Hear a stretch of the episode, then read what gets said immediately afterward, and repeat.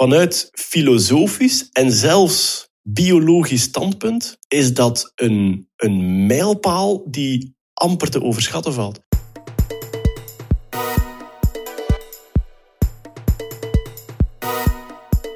Lieven is comedian, televisiemaker en auteur.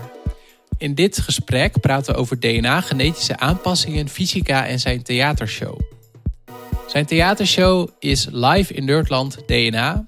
En we hebben dit gesprek opgenomen de dag na de Nederlandse première. Dat was in de stad Schouwburg in Utrecht.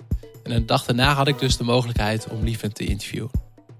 Want in het theater en ook op televisie houdt hij zich bezig, vooral bezig met wetenschap en technologie. Hij was te zien in verschillende programma's, bijvoorbeeld op Canvas en op 4. En op de Nederlandse televisie was hij onder meer te zien in Proefkonijnen, Rare Jongens en Superbrein. Hij schreef verschillende boeken, onder meer over natuurkunde. En hij is zelf de host ook van een podcast, namelijk Nerdland. De show notes kun je net als altijd vinden op biohackingimpact.nl. En net als vorige keer zal ik noemen waar ik de komende tijd openbare lezingen geef. Want vaak word ik ingehuurd door bedrijven en organisaties om te vertellen over biohacking of aanverwante technologieën voor hun klanten of medewerkers. Maar af en toe spreek ik ook op eh, festivals of openbare evenementen. En dat is onder meer in Riga op 26 april. Uh, dat is in uh, Letland. De Quantified Self Meetup op 13 mei in Eindhoven, Nederland. En Sound of Science Festival, wetenschapsfestival op 25 mei. En dat is in Mortsel. En dat ligt bij Antwerpen in België. Nou, wil je nou een overzicht hebben van die lezingen? Dan kun je je abonneren op mijn nieuwsbrief. Ga daarvoor naar biohackingnieuws.nl. En in die nieuwsbrief deel ik onder andere nou, de plekken waar ik binnenkort een openbare lezing geef. En af en toe mag ik ook kortingscodes weggeven. Dus die deel ik ook in de nieuwsbrief. En voor de rest deel ik in de Biohacking Nieuws nieuwsbrief. Eigenlijk, wat is er nu actueel op het gebied van biohacking? En ook, hoe, moet je, hoe duid ik dat? En uh, wat vind ik er nou van? En dat is kennis die je verder, of kennis, uh, inzichten die je verder niet op het internet kan vinden. Niet in deze podcast of in blog.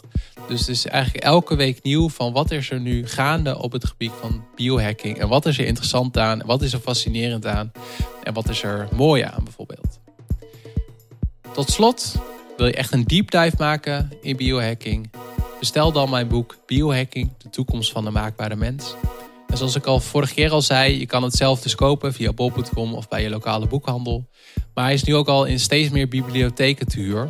En is hij nou, of te leen moet ik eigenlijk zeggen. En is hij nou in jouw bibliotheek niet te krijgen, uh, dan zou ik het leuk vinden als je hem kan aanvragen. En dan kun je op die manier toch mijn boek lezen. Anyway, here we go.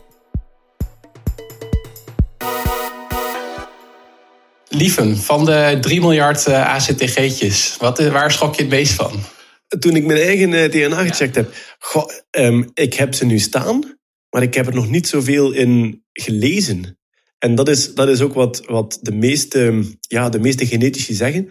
De test kost nu 1000 euro. De analyse kost 10.000 euro. Dus het, het feit dat je, je je hele DNA staan hebt, ja, dat is nog maar stap 1. Dan moet daar iemand in gaan zoeken naar wat staat waar enzovoort. Maar ik zit ook op 23andMe, dus um, waar je dan voor 100 euro niet je hele DNA laat uitlezen, maar bepaalde stukjes. En dat is wel boeiend. Uh, um, goh, ja, omdat die, die geven heel veel informatie van kijk, daar heb je die variant, daar heb je die variant. En wat daar misschien het verrassendste was, dat is dat volgens mijn afstamming, dat ik een duizendste Native American zou zijn. Maar er stond wel, er stond wel nog een, um, een caveat bij. Ze, ze zeiden wel van ja, dat, dat ze nog niet 100% zeker waren. Maar goed, dat ga ik negeren. Ik ga, ik ga toch, voor zolang het duurt, ga ik eventjes geloven dat ik een duizendste Native American Dat was toch ook een uh, zo'n democratische dame in de VS die zich kandidaat had gesteld en ook had geclaimd. Pocahontas verhaal. Ja, ja, precies. Ja. Dus ja, misschien word ik ooit uh, een democratisch presidentskandidaat als uh, duizendste Native ja, American. Precies. Dan mag dat, ja. Uh, voor de mensen die luisteren, lieve Schieren, hoe moet ik jou omschrijven? Comedian, nu met een theatertour? Ja, uh, ik, ben, uh, ik heb natuurkunde gestudeerd. Ik ben daarna uh, stand-up comedy gaan doen. Via de stand-up comedy in de televisie terechtgekomen. En dus nu doe ik, ik maak een combinatie van wetenschap en entertainment. Dus ik ben um, science communicator, heet dat in het Engels. Er is niet echt een Nederlands alternatief. Wetenschapscommunicator klinkt niet zo vlot. Um, maar dat is wat ik nu doe. Dus ik volg de wetenschap en ik geef daar um, uitleg over in de pers of op het podium. Ja. ja. En ik bedenk me net, lieve scheieren is het. Scheieren, ja. Ja, ja. Ik, gebeurt dat vaker? Want ik merkte bij mezelf dat ik dat vanwege de IE in Lieven, dat ik dan ook IE in... Ah ja. Er, er, Ligt dat gewoon aan mij, aan mijn DNA? ja. In Nederland wordt het vaak als scheren uitgesproken. Ja. Omdat we in België, onze ei is veel vlakker. Dus ik zeg zelf lief een scheren zonder een tweeklank. En jullie zeggen scheieren. En veel Nederlanders denken dat ik scheren zeg. Dus ik sta er gewoon al niet meer bij stil. Als er een SCH en een R in zit, ben ik al lang tevreden. Eigenlijk. Ja. En wanneer was het moment, was het uh, in je jeugd of op de middelbare school, of, uh, dat je echt gefascineerd raakte door wetenschap? Goh, dat van, van kind af al, als, er, ja, als het over planeten ging en, en sterrenkunde en dat soort dingen, was ik al geboeid. In mijn middelbare school ging ik op een bepaald moment meer de, de, de artistieke kant op. Was ik meer kort verhalen aan het schrijven en verhalen aan het schrijven. Wou ik filmregie doen op een bepaald moment. Maar um, fysica is altijd het vak geweest dat voor mij het vlotste ging. Ook in de middelbare school.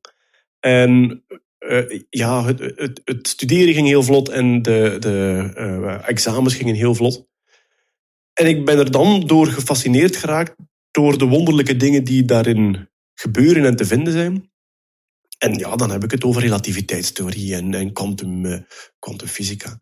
En dan uh, ja, op die manier daar eigenlijk in terechtgekomen. En dan wou ik eigenlijk filmregie studeren daarna. En dan zei mijn pa, doe eerst maar natuurkunde, kan je daarna nog zien wat je doet.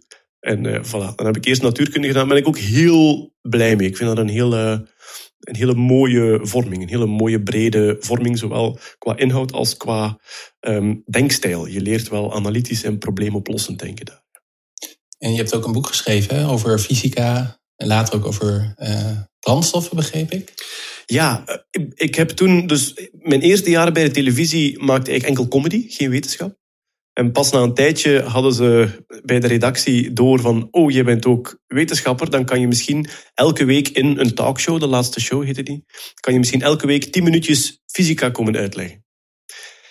En wat je heel vaak merkt bij tv-programma's is, als ze een wetenschapsrubriek willen doen, dan moet die over het nieuws gaan. Dan zeggen ze, ja, lees de krant en dan haal je daar iets uit. Nu, het is beter dan toen, maar het niveau van de wetenschapsartikeltjes in de brede populaire kranten was om te huilen, vaak. Mm Dan heb ik gezegd van nee, ik ga gewoon um, fundamentele natuurkunde uitleggen. Hoe werkt je microgolfoven? Um, um, hoe wordt uh, geluid omgezet naar een LP-plaat of op een CD? Hoe werken die dingen enzovoort? Dus tien minuutjes echt uh, ja, vrij fundamentele natuurkunde gedaan. En um, dat werd redelijk populair. Dus mensen opeens merkten van, tja, daar is een publiek voor. En die hebben we omgezet naar een boek. Dus dat zijn eigenlijk tien korte hoofdstukjes. Eentje over relativiteit, over kwantummechanica, over um, maten en gewichten, over uren uh, en seizoenen. Dus hoe, hoe de aarde draait rond haar as, rond de zon, waarom we winteruur, zomeruur hebben, wanneer de seizoenen veranderen enzovoort. En dat was dan ja, het, het eerste boekje. En dan daarna zijn er nog twee verschenen, maar die, de meeste komen uit tv-programma's waar we dan de boeiendste stukken... Of bij een tv-programma kan je weinig vertellen. En heel veel research heb je wel gedaan, maar kan je niet kwijt. Dan is het heel tof om een boek te schrijven waar dat wel in kan. Ja, en een micro-oven, uh, dat werkt toch omdat de H2O-moleculen warm worden? Zoiets is het toch? Of ja. Ik begon aan dat, ik begon aan dat uh, item over de, de, de magnetron, zeggen jullie. Hè? Ja, voilà. Dus ik begon aan dat item over de, over de magnetron. En ik dacht dat... Dus een, een, een magnetron stuurt elektromagnetische golven, net zoals licht, maar dan een andere frequentie. En een watermolecule, H2O, heeft een plus- en een minkant. Is een, is een polaire molecule. Waardoor die zich richt naar de golf. Als het elektrisch veld in de ene richting staat, gaat een watermolecule zich daarnaar richten. Als het naar de andere richting staat, dan draait het weer om. En ik dacht dat de microgolfoven, dat de magnetron, een frequentie uitstuurde die de eigen frequentie was van een watermolecule. De eigen frequentie is de natuurlijke frequentie waarop je heel gemakkelijk meetrilt. Zo is ooit die brug ingestort. Misschien dat beeld gezien, de Oklahoma Bridge. Oh ja. Ja, dus de wind, de wind waaide rond die brug en ging eigenlijk boven en onder die brug aan een bepaald tempo. En dat tempo was exact gelijk aan de eigen frequentie van die brug, waardoor die steeds verder ging schommelen en dan ingestort is. En ik dacht, ah, die magnetron zal waarschijnlijk straling uitsturen in de eigen frequentie van de watermoleculen, maar dat bleek niet zo te zijn. Dus ik was zelf verrast eh, door de research. En dus die, die microgolf die um, zorgt er simpelweg voor dat de watermoleculen van richting verandert om de zoveel tijd. Waardoor die molecule gaat bewegen. En beweging in een molecule, dat is warmte. Dat is de definitie van warmte. Dus door, door al het water in je voedsel de hele tijd om en om te draaien, gaat die magnetron warmte veroorzaken in het voedsel. Mm Er zijn ook heel veel mensen die weigeren, in ieder geval in Nederland, een magnetron te gebruiken, omdat ze denken dat dat uh, slecht is. Ja. Hoe reageer je daarop? Want eh, op basis van basic science, als ik jou zo hoor, is dat. Ja, er, goed, ja er, is, er is wantrouwen tegen wetenschappelijke ontwikkeling. De uh, Luddites noemen ze dat, denk ik, in het Engels. Of ja, dat is dan meer wantrouwen tegenover technologie. Um, dat heeft vaak zijn functie. Um, en als je naar het verleden kijkt, zijn er zeker momenten geweest dat we te naïef waren. Hè? Dan, ja, als je kijkt naar röntgenstraling bijvoorbeeld, waar, waar ja, vroeger um, de man die de röntgenlampen ontwikkelde voor Marie Curie, die testte die telkens op zijn eigen hand. Die dacht eventjes kijken of het werkt, flash, en dan foto, ah ja, ik zie mijn skelet, deze lamp is goed. Mm. En die is ook bij de handen verloren daardoor. Dus er zijn momenten geweest dat we, dat we te naïef waren. Asbest is nog zoiets. Um, en er zijn ook momenten geweest dat we te bang waren. Dus waar dat precies ligt, dat is altijd moeilijk te zeggen. Maar je, je moet wel, ja, het moet wel gestoeld zijn op de juiste informatie natuurlijk. Ja. Um, en wat de magnetron betreft, als je weet hoe het werkt, goed, misschien mis je nog ergens iets dat er ergens lokaal een te grote verwarming is, waardoor bepaalde chemische stoffen veranderen. Ja, daar is geen enkele aanwijzing voor, maar je kan het ook niet uitsluiten.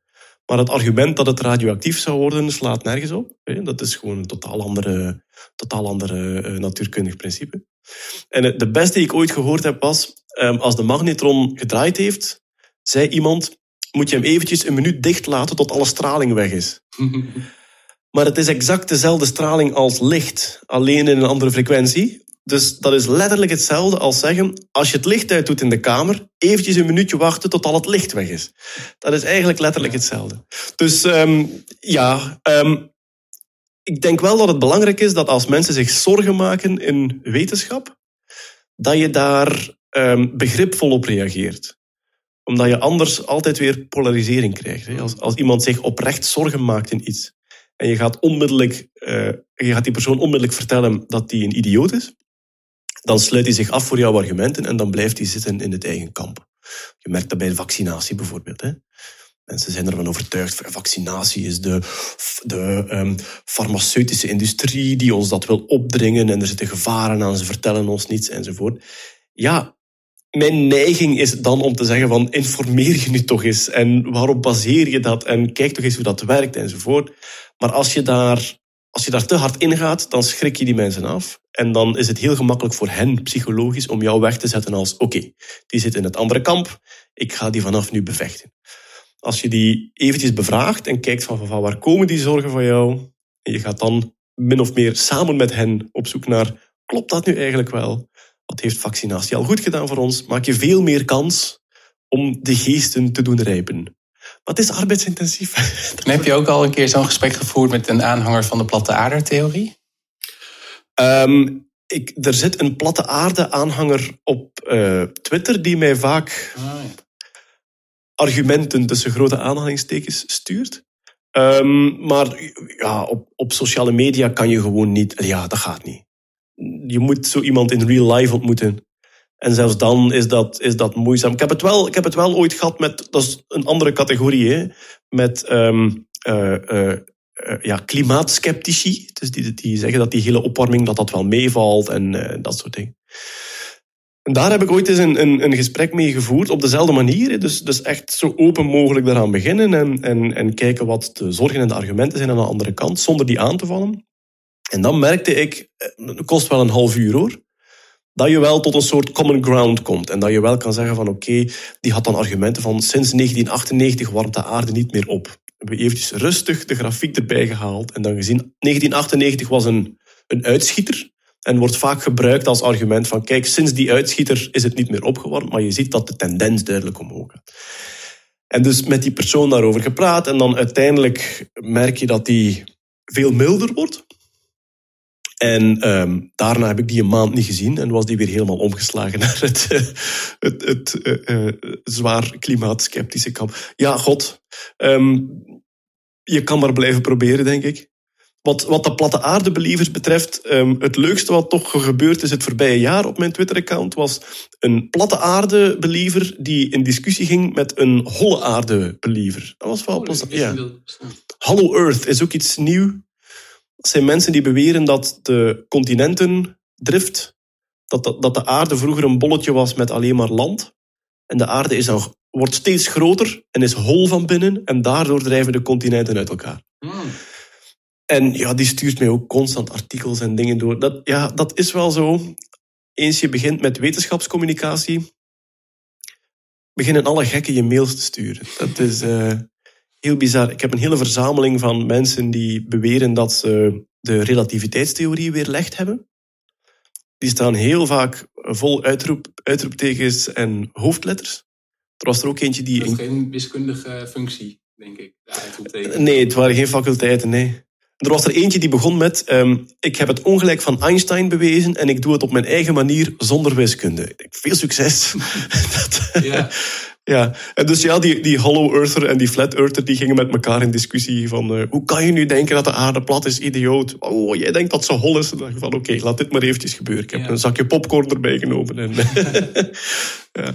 en um, heel veel interesse in fysica, natuurkunde en ook in, uh, in ruimtevaart. En op een gegeven moment besloot je, ik ga toch een theatershow maken over DNA. Ja. Hoe, weet je, was, het, ik, was het dat je gefascineerd was door DNA en dacht ik ga een theatershow doen maken? Of dacht je van ik wil een theatershow maken, laat ik kijken welk thema ik het meest interessant vind of het meest urgent is? Het, ik ben mijn eerste theatershow dan, of lezing of science comedy show was het dan, ging over relativiteitstheorie. Was op vraag van um, uh, Gilly, is een, uh, een Vlaamse comedian, illusionist en die zei van ja, maar jij staat op podium en je bent wetenschapper, kan je niet eens... Die had een café toen en zei, kan je niet eens bij ons kwantummechanica uitleggen of relativiteit? En dus dat was mijn eerste echt lezing. Daar heb ik mee in Engeland getoerd ook, eh, relativiteitstheorie. En dan dacht ik aan een volgende onderwerp. En ik ben inderdaad, ja, vanuit de natuurkunde ben ik door wetenschapscommunicator voor de televisie te worden, ben ik veel, veel breder de wetenschap beginnen volgen. Uh, dus uh, technologie, natuurkunde, chemie en ook die life sciences. En die fascinatie voor die life sciences is heel organisch gegroeid, is, is een beetje vanzelf gegaan, omdat het daar ook zodanig spannend is momenteel. Om, ja, omdat het zo fascinerend is. Omdat wat je daar nu ziet gebeuren in, in de life sciences is, ja, dat, dat is toch um, de mooiste show van de wetenschap, denk ik. Ja, goed, ja, ik, ben altijd gefascineerd door hoe het werkt en hoe ze nieuwe dingen ontdekken en zo. Maar, maar de, de holy shit momentjes, bij wijze van spreken, in de life sciences zijn het laatste jaar niet meer op één hand te tellen. Hè. De momenten dat, we, dat, dat de biologie en de genetica, dat ze collectief dachten van, wat, nu al? Het gaat geweldig snel. En dus het idee om dat ook op een podium te brengen is, denk ik, al zeker leeft al zes of zeven jaar bij mij. Vooral omdat die, de kracht die een genetische test in de nabije toekomst gaat krijgen voor ons persoonlijk leven, is heel erg duidelijk aan het worden. Wat, wat we er zelf uit gaan leren, um, wat je over je kinderen gaat leren, en dan sinds kort ook hoe we kinderen kunnen aanpassen en of we dat eigenlijk wel willen. Het is de manier waarop het werkt is, vind ik prachtig. Um, het is um, sensationele wetenschap en het komt heel dicht bij onszelf. Um, ik omschrijf het vaak als ja, ik vind persoonlijk wetenschap the greatest show on earth. Ik vind dat er weinig gemaakt wordt wat fascinerender is om naar te kijken. En om de beleving van wetenschap is voor mij al een show op zich. En als het over die genetica gaat, zou je kunnen zeggen, ja, de grens tussen de show en het publiek is een beetje aan het verdwijnen. Ehm, als je iets leert over, ehm, over relativiteitstheorie, ja, dat heeft geen persoonlijke impact op mij. Ik vind het geweldig fascinerend, maar dat heeft geen persoonlijke impact op mij. Alles wat er gebeurt in de genetica, ehm, dat komt ons persoonlijk leven binnen. Het gaat heel snel over ons. Dus je bent plotseling deel van die show. En daar moeten we mee leren omgaan. Dus vandaar was het het ideale thema voor, voor een, een brede, toegankelijke wetenschappelijke voorstelling over wetenschap. Was life sciences en menselijke genetica was eigenlijk duidelijk het beste onderwerp dan. Ja. ja.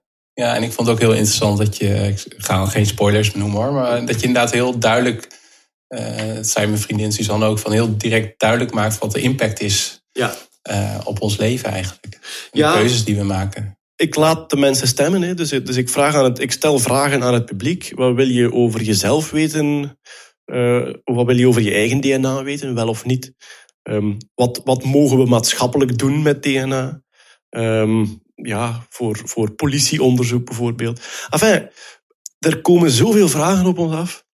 Wij hebben in België hadden wij in was het jaren 80 of jaren 90 hadden wij de abortuskwestie. Dus er, moest, er kwam een nieuwe wet op abortus, wanneer dat wel en niet toegestaan was voor de Belgische bevolking. En onze koning had daar een gewetensprobleem mee. Dat was een, een eh, zeer katholieke koning, koning Boudewijn. En die heeft zichzelf toen ongeschikt verklaard. Dus hij zei van, ik kan deze wet niet ondertekenen. Ik heb daar een moreel probleem mee. Gigantisch debat geweest in België. Mag hij dat doen of niet? Enzovoort. En ik gebruik die abortuskwestie vaak als wat de vraag die we toen hadden. Gaan we de legale termijn van abortus nu enkele weken naar voren schuiven of niet? Dat valt in het niets bij de vragen die op ons afkomen de, de ethische en morele vragen, niet alleen wat wil ik zelf weten over DNA of aanpassen aan DNA, maar ook wat gaan we aan de hele maatschappij, wat gaan we in onze hele maatschappij legaal maken en niet legaal. De, er komen honderden abortuskwesties op ons af. En ja, in die voorstelling test ik het al eens. Hè. Laat ik het al eens los op het publiek. Van kijk, over een paar jaar gaan we dit moeten oplossen. Wat denken jullie nu? Um, en dat is tof om mee te spelen. Ja. En de, de zalen stemmen ook volledig anders. Dus ik, heb, mm. ja, ehm, ik ben echt nog aan het zoeken geweest van ik zou moeten, want nu stemmen we gewoon met papiertjes. Ik ben aan het denken geweest, kan ik geen kleurcaptatiecamera op de zaal zetten, dat ik de percentages kan bijhouden. Dat ik mm. kan zien van zoveel procent stemt ja, zoveel procent nee. Omdat het mij geweldig boeiend lijkt hoe, hoe anders de zalen vaak, vaak stemmen. Ja. En kun je daar al... Uh Kun je, kun je al op grote lijnen zeggen van Vlaanderen stemt anders dan Nederland? Of grote steden stemmen anders dan steden, kleinere steden? Of is dat heel... Wel, ik heb nu nog maar twee voorstellingen in Nederland gespeeld. En, maar volgende week speel ik er uh, zes in Nederland. Dus dan heb ik meer data. Ja. Um, in Vlaanderen uh, merk ik het wel dat um, uh, in, in, in West-Vlaanderen ligt het stemgedrag op sommige gebieden heel anders. Vooral als het over, eh, als het over biologie gaat. Um, ik heb het ook over, het, over de mammoet. Of we de mammoet nu... Want ja, we kunnen een mammoet klonen. Gaan, gaan we dat doen of niet? En in West-Vlaanderen zeggen ze allemaal ja. Dan denk ik, goed, mhm. landbouwgebied, groot dier, veel vlees, klonen die aan. ja, en op andere, in andere streken ligt dat dan weer compleet anders. Maar goed, um, ik merk ook dat de manier waarop ik mijn vraag formuleer, kan ik het stemgedrag van de zaal geweldig bijsturen. Mm. Um, en dat doe ik ook met veel plezier. Ik zeg het ook in het begin, hè, dat, ik, dat, dat, ja, dat, dat ik met de mensen hun voeten ga spelen. Dat ik, ze ook, ik laat ze stemmen en als ze kiezen voor A, dan geef ik heel veel argumenten voor B, tot ze om zijn. en eens dat gebeurd is, geef ik weer argumenten voor A. Ook om duidelijk te maken, het, het zijn, er zijn geen simpele antwoorden op. Het zijn allemaal redelijk uh, complexe problemen. Ja, ja en wat ik nog wel, uh, waar ik ook vaak aan zit te denken, is van eh, nu zijn dat vragen die je aan de zaal stelt. En soms zeg je van oké, dat is een keuze die jij maakt. Of die, die jullie als gezamenlijk, als een democratie maken. Maar het is inderdaad wel de vraag van, voor, misschien in genetica zijn sommige vragen worden beantwoord of beslist door de huisarts of de gynaecoloog of door een ethische commissie of door het land of door jezelf. Of, en helemaal inderdaad als je voor je, je aanstaande kinderen kiest en zo. Dat is zo, vind ik zo fascinerend. Ja. Het is geweldig complex en, en ja, op dit moment kan je gewoon nog niet vatten wat er heel moeilijk gaat zijn en wat er heel gemakkelijk gaat zijn. En elke keuze heeft weer zoveel implicaties, zoals je zegt voor je kinderen. Laat je een kind genetisch testen bij geboorte, ja of nee? Ja, um, het zou heel goed kunnen, ja, dat weten we eigenlijk vrij zeker, heel veel gevoeligheden, zowel psychologische gevoeligheden als lichamelijke gevoeligheden, zitten in je DNA. En hoe doen we dat nu? Je groeit op en je merkt wel wat er fout gaat. En dan ga je ofwel naar de dokter, lang onderzoek, of je gaat naar een psycholoog, heel veel gesprekken. Misschien kom je bij een psychiater, kom je uit op de juiste psychofarmaca. Na een tijdje zie je wat er lichamelijk precies scheelt. En ik denk zo, tegen je 30, 40 heb je het ongeveer wel door. En krijgen de mensen die het nodig hebben de juiste medische begeleiding en behandeling om zo stabiel mogelijk te zijn. Misschien door je kind te laten testen, sla je daar een heel stuk van over. Als je ziet van, kijk, je hebt aanleg voor depressieve episodes of voor um, angsten, ontwikkeling enzovoort, kan je misschien zowel in opvoeding als zelfs in, um, in uh, psychofarmaca, kan je misschien heel snel bijspringen. En moet een mens niet meer door twee, drie depressies voor die weet welke SSRI's die nodig heeft. Wie weet. Ja. Dat is dan het voordeel. Maar er zijn natuurlijk ook weer nadelen en risico's aan het testen van een kind, omdat je het beslist voor het kind. Dan zegt van, kijk, ik heb dit voor jou beslist en jij weet dat nu allemaal en daar kan je helaas niks meer aan doen, want je was nul jaar oud toen ik het gedaan heb. En ook toen ik zelf mijn, mijn volledige genetische test gedaan heb, was er een gesprek met een psycholoog. Was aan de KU Leuven, was zeer goed begeleid. Een gesprek met een psycholoog. Zijn eerste vraag was, heb je dit overlegd met je ouders? Ik dacht bij mezelf, waarom? Ja, als we bij jou iets vinden, komt het van een van de twee. Dus de beslissing die je voor jezelf neemt, heeft plotseling een implicatie voor je hele familie. Ja, wat doe je daarmee? Heb ik het recht om dat van mezelf te weten zonder dat ik rekening houd met de rest van de familie? Of dring ik hen iets op door mezelf te laten testen? Er, ja, het wordt moeilijk. Het heeft ook zijn, uh, sociale ja, implicaties. Ja. We zijn een proefkonijngeneratie. Hè? Ja.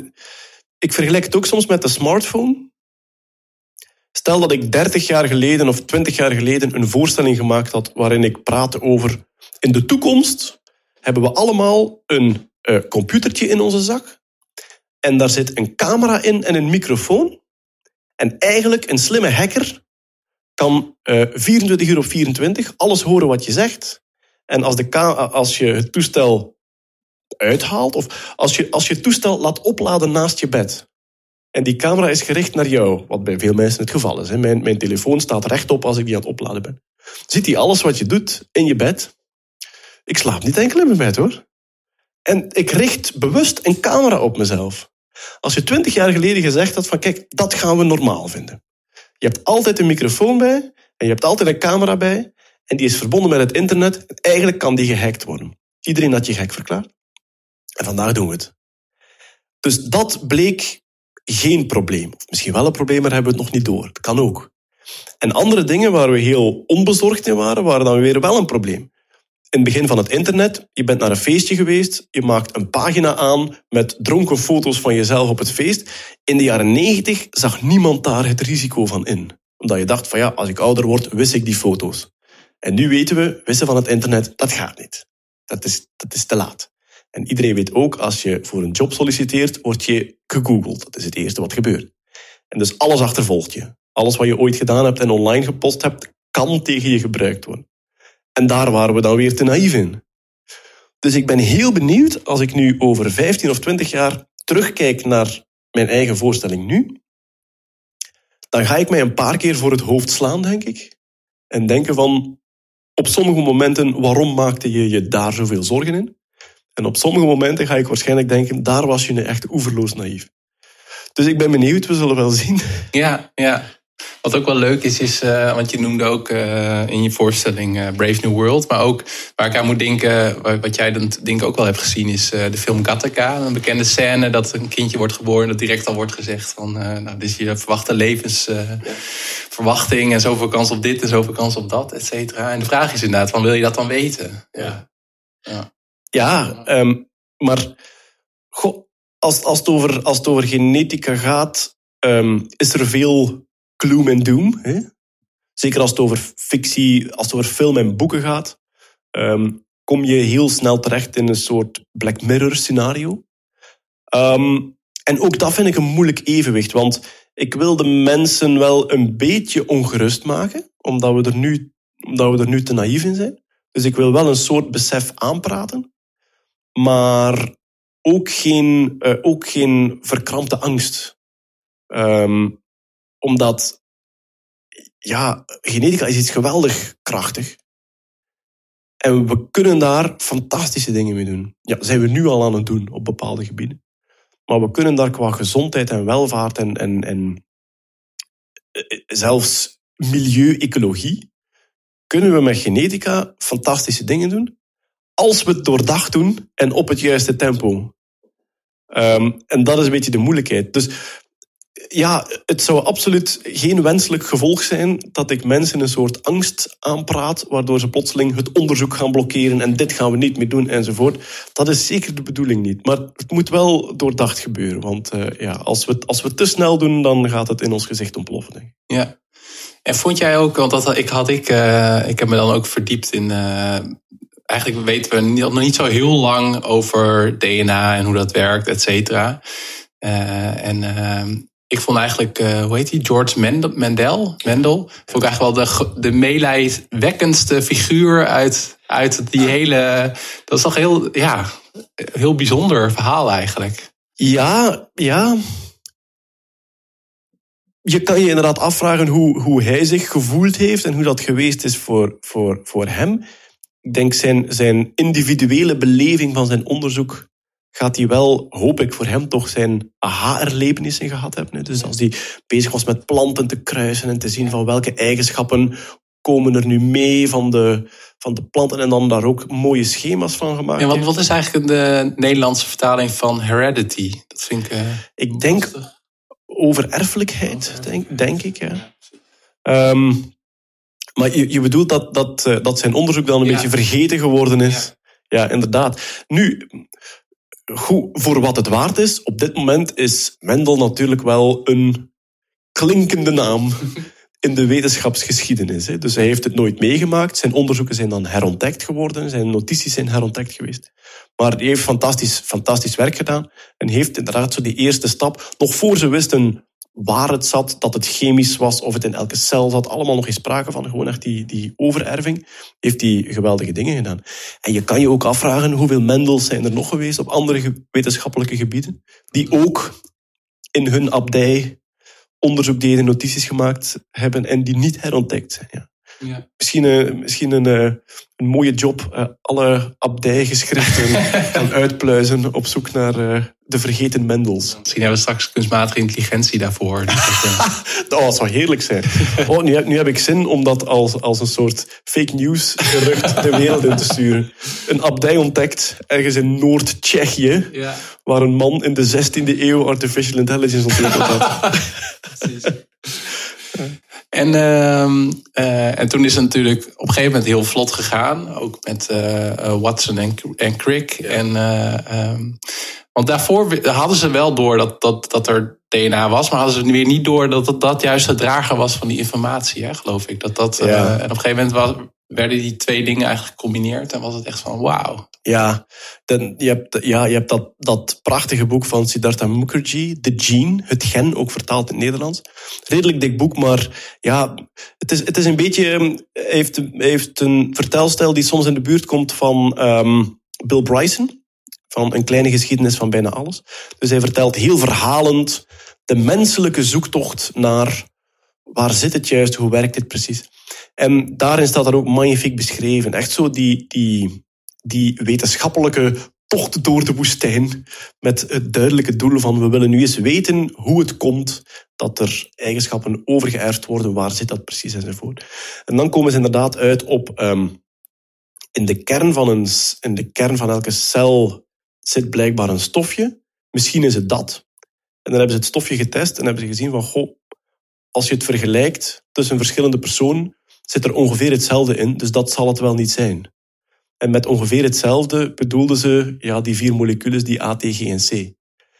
Maar het was de volgorde die belangrijk was. En dat was dan een conclusie die ze toen nog niet gemaakt hadden. En dan heb je inderdaad zo... Want ja, Watson en Crick zijn wereldberoemd geworden omdat zij dat model gecreëerd hebben.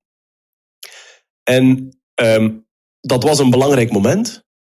Maar dat zit zodanig ingebed in een gigantisch proces met heel veel personen, dat het in, in retrospect is het een beetje bizar dat je dan net die twee eruit haalt voor dat ene stapje in dat grote proces. Het is ook te begrijpen, want het was een belangrijke stap en hij heeft geleid tot dat iconische beeld van die DNA-moleculen.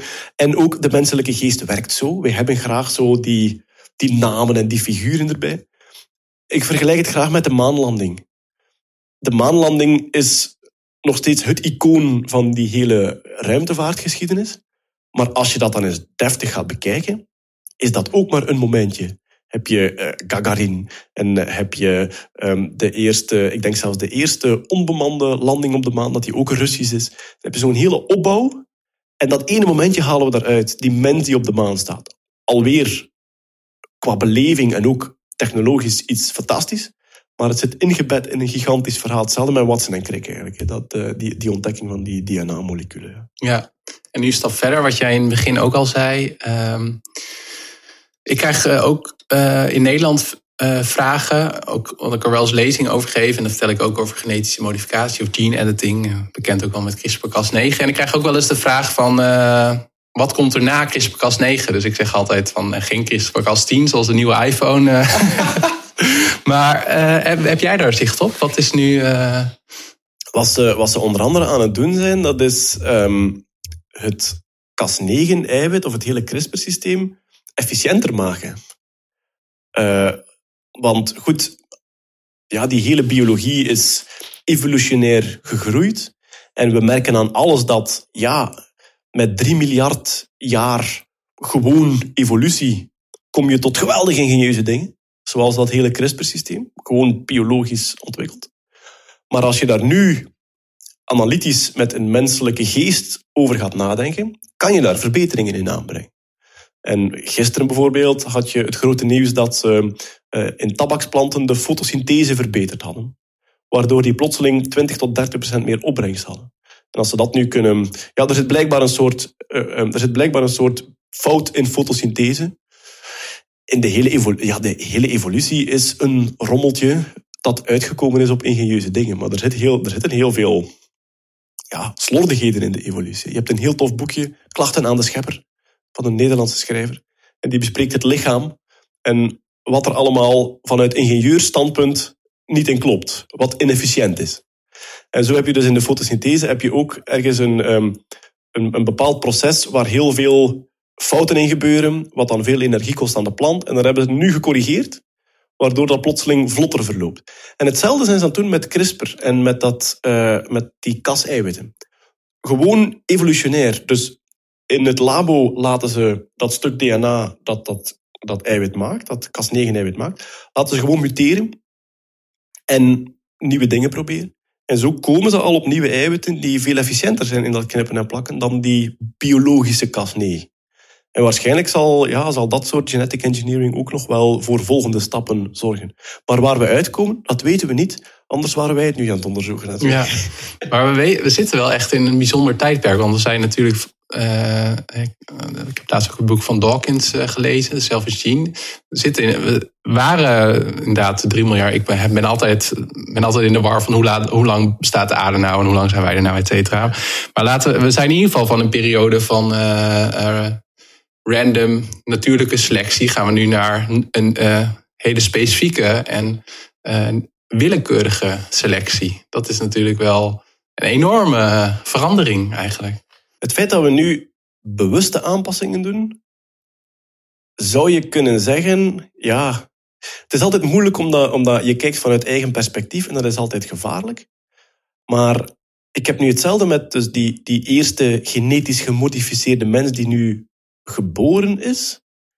Vanuit filosofisch en zelfs biologisch standpunt is dat een, een mijlpaal die amper te overschatten valt. Zoals je zegt, we komen uit een random biologische evolutie en we maken nu die stap als mens, nog maar één maand, maken we die stap dat wij een diersoort zijn, de eerste ooit op aarde, die nu bewust zijn materiaal aanpast, zijn genetisch materiaal, in plaats van die evolutie zijn gang te laten gaan. Ik denk persoonlijk, en alweer het is gevaarlijk, want we kijken nu vanuit eigen perspectief. Ik denk, stel dat de mens nog een miljoen jaar bestaat, dat um, de naamgeving Homo sapiens sapiens tot 2018, 2019 gaat lopen. En dat je zelfs als, als bioloog misschien kan concluderen in de verre toekomst, wij zijn nu Homo sapiens genetica geworden. Ja, we zullen zien hoe we er in de toekomst op kijken, maar ik denk dat dit biologisch gezien een uniek moment is. En dan spreek ik over uniek in een miljard jaar biologie. Dus ja, misschien overschat ik het. Zou kunnen. Maar ik denk echt dat, ja, zoals dat je in, in, de, in de geologie ook, dat ze zeggen van eigenlijk moeten we spreken over het antropoceen. Want als je kijkt naar aardlagen en hoe die veranderen, dan is het heel duidelijk dat stel dat je als menselijke onderzoeker op de planeet Aarde terecht zou komen en je zou dat gaan onderzoeken, dan zou je nu zien van hier is een heel bizarre verandering en die hebben wij als diersoort veroorzaakt. Dus we gaan dit het antropoceen noemen. Ik denk op dezelfde manier dat Homo sapiens sapiens nu aan vernieuwing toe is, want we zijn aan ons eigen genetisch materiaal eh, aan het prutsen. Ja. Ik vind het wel mooi en uh, ik ben daar voor mezelf ook uh, steeds meer naar op zoek, want ik merk dat ik in de afgelopen periode uh, stel ik veel vragen als het hierover gaat. Maar vind ik het nog moeilijk om mijn eigen visie of mening te geven. En ik vond het wel goed dat jij dat wel af en toe deed. Uh, en ik probeer dat nu zelf ook te doen. Hoewel dat ja, soms ook wel weer inderdaad op glad ijs is. Maar als ik inderdaad denk van, volgens mij is ook de heilige graal in, in als je kijkt naar ehm, uh, je hebt een boek geschreven over brandstof. Volgens mij is ook de heilige graal dat we eigenlijk, stel je voor dat we fotosynthese kunnen nabouwen. Dat zou, en ons, dat de energie van de zon veel efficiënter kunnen omzetten. Dat zou toch fantastisch zijn? Dan zouden we bij wijze van, ik zeg even in één klap, uh, het klimaatprobleem kunnen oplossen. Een beetje kort door de bocht. Maar ik vind het wel mooi dat, ja, het hoeft allemaal niet gloom en doom te zijn. Ja, maar het voorbeeld dat je geeft van, van, van klimaat, ja, als je, als je wetenschapsoptimist bent, dan, dan de kans bestaat, de kans is niet nul, dat de oplossing voor het klimaatprobleem één wetenschappelijke ontdekking van ons verwijderd is. Wat is wel een probleem? Dat we niet weten of die volgend jaar komt of over duizend jaar. Dat weten we niet. Maar ja, ik doe het ook soms in, in lezingen dat ik zeg van, goh, zou het niet fantastisch zijn dat we een apparaat hebben een machine die zuiver werkt op zonne-energie. Je hebt daar geen onderhoud aan. Werkt helemaal vanzelf. En wat hij doet is, die gebruikt zonne-energie om CO2 uit de atmosfeer te halen. Fantastisch. Dan zeg ik, ik heb een tuin vol met dat soort apparaten. We noemen dat een boom. Ja, dus het bestaat al. En als we het nu inderdaad zodanig kunnen gaan gebruiken dat je heel die fotosynthese en, en, en die, die productie van biobrandstof, dat je die ja, het is een genetisch fabriekje. En als we erin slagen om dat genetisch fabriekje te laten doen wat wij willen, dan kan je daar ook weer fantastische dingen mee, mee, mee doen. Hè. Um, insulineproductie bijvoorbeeld, ja, dat is een biologisch proces. Dus dat kan je waarschijnlijk met de juiste eiwitten en met de juiste cellen die je zelf bouwt, kan je dat voor jou laten doen door primitieve levensvormen die zelf, synthetische levensvormen. Ja, de mogelijkheden zijn groot. Ja, ja. En uh, je hebt zelf ook een, uh, of bent zelf host van, je hebt hem niet, ja, met een aantal collega's uh, zelf een podcast, Nerdland. Ik zal ook een linkje bij de show notes zetten. Uh, en eigenlijk mijn, uh, als laatste thema van dit gesprek. Uh, we hebben het veel gehad over life sciences en genetica, genetische modificatie, synthetische biologie. Wat zijn nu, zeg maar, en, medio 2019, 2020, een beetje de, de areas waarvan jij denkt, hey, dat moet je in de gaten houden? Is dat inderdaad ruimtevaart? Dat is artificial intelligence. Sowieso. Goed, um, in de podcast doen, doen, we veel andere gebieden. En ik denk, als je, als je plezier wil beleven aan de wetenschap, dus wetenschapsbeleving, dan is ruimtevaart en robotica zijn fantastische gebieden. Er gebeurt heel veel in. Um, het, ik vind het fantastisch om te volgen. Um, uh, ja, het hele Elon Musk-verhaal is om van te smullen, omdat die mens op persoonlijk gebied ook gekke capriolen maakt. Dat is, eigenlijk is dat een beetje de, de royalty-roddelrubriek van de wetenschapswatcher. Hè? Elon Musk en, en, en Branson en, en Jeff Bezos en, en, dat soort figuren. Dat is allemaal fantastisch. Maar als het gaat over wat is het onderwerp dat um, vrij snel even relevant zal worden als genetica, dan is dat artificial intelligence. En daar is een, een, een, een, heel goed boek over geschreven, Life 3.0. Ja. En goed, um, dat is een man die weet waarover hij praat, die midden in het onderzoek zit. Hij chargeert in het boek. Hij gaat bewust heel ver en hij gaat bewust heel snel en hij spreekt over toekomstscenario's waarvan hij zelf zegt dat ze speculatief zijn. Maar um, ja, het is uh, thought-provoking. Het, het zet je echt aan tot nadenken. En um, hij geeft ook voorbeelden waarvan je denkt van, goh, die artificial intelligence die gaat heel snel ook weer ongelooflijke dingen kunnen doen, waarvan wij ons moeten afvragen, wat gaan we er precies mee doen? En een punt waar zowel genetica als artificial intelligence mij zelf vaak naartoe drijven, is de vraag, um, wie willen we zijn? En die is niet zo gemakkelijk beantwoorden. Als wij onszelf gaan veranderen, genetisch, moet je je heel vaak de, de heel filosofische vraag stellen. Wie willen we zijn? Maar die wordt heel tastbaar als je denkt... Stel nu dat je een complete controle hebt over je, genetiek, ja, over je genetisch materiaal. Wat maak je dan van jezelf? Um, ga, je, ga je bepaalde emoties uitschakelen, andere versterken? Ja, als je heel ver nadenkt over wie wil je zijn als mens, zou je kunnen zeggen, ja, je wil gewoon gelukkig zijn, je wil tevreden zijn, je wil aangename emoties. Hoe bereiken wij die nu? Door onze ambities na te jagen en door dingen te ontwikkelen en we willen een uitdaging. Je zegt van, oké, stel nu, ik pas mezelf genetisch aan en ik ben gewoon standaard heel blij met alles. Ik vind alles fantastisch. Ik heb alleen basisvoedsel nodig. Ik pas mezelf genetisch zodanig aan dat dat heerlijk smaakt voor mij. Farmaceutisch of ja, ja, voilà. En dan ben ik echt, vind ik geweldig. En als je dat vraagt aan mensen, dan zeggen ze van, ja, daar voel ik me niet zo goed bij. Nee, nu niet, maar dan wel. Dus ik voel me niet zo goed bij dat ik een soort plant zou worden die heel gelukkig is. Oké, waarom wil je dat niet? Omdat je je er nu niet goed bij voelt. Dat is alweer je emotie. En als we die ook in, onder controle hebben, dan vind je dat fantastisch. En goed, ja, ik ben, nu, ik ben nu heel ver aan het afdalen in de filosofische krochten. Maar soms denk ik, misschien is dat een soort einde van de mensheid scenario. Um, extinction by happiness. Als zijnde, we hebben, we hebben het knopje gevonden in ons hoofd, waardoor we alles eigenlijk geweldig vinden. Ja. We gaan ons niet meer voorplanten, we gaan gewoon tevreden zijn. We gaan dan ook niet meer geen wetenschap mee doen. Ja, nee. En, als je dan, en het argument komt altijd weer terug op, ja, maar dat vind ik toch een enge gedachte dat de mens zichzelf zou laten uitsterven. Ja, dat vind je nu eng. Maar als we de knop omgezet hebben, vind je dat allemaal best. En je hebt net hetzelfde bij artificial intelligence. Als mensen zeggen, AI gaat zelfbewust worden en gaat de mens overheersen, dan denk ik, waarom zou AI de mens willen overheersen? AI wil helemaal niks. Dat onze emotie en onze drang tot overheersing komt uit 3 miljard jaar evolutie en dat is heel nuttig gebleken.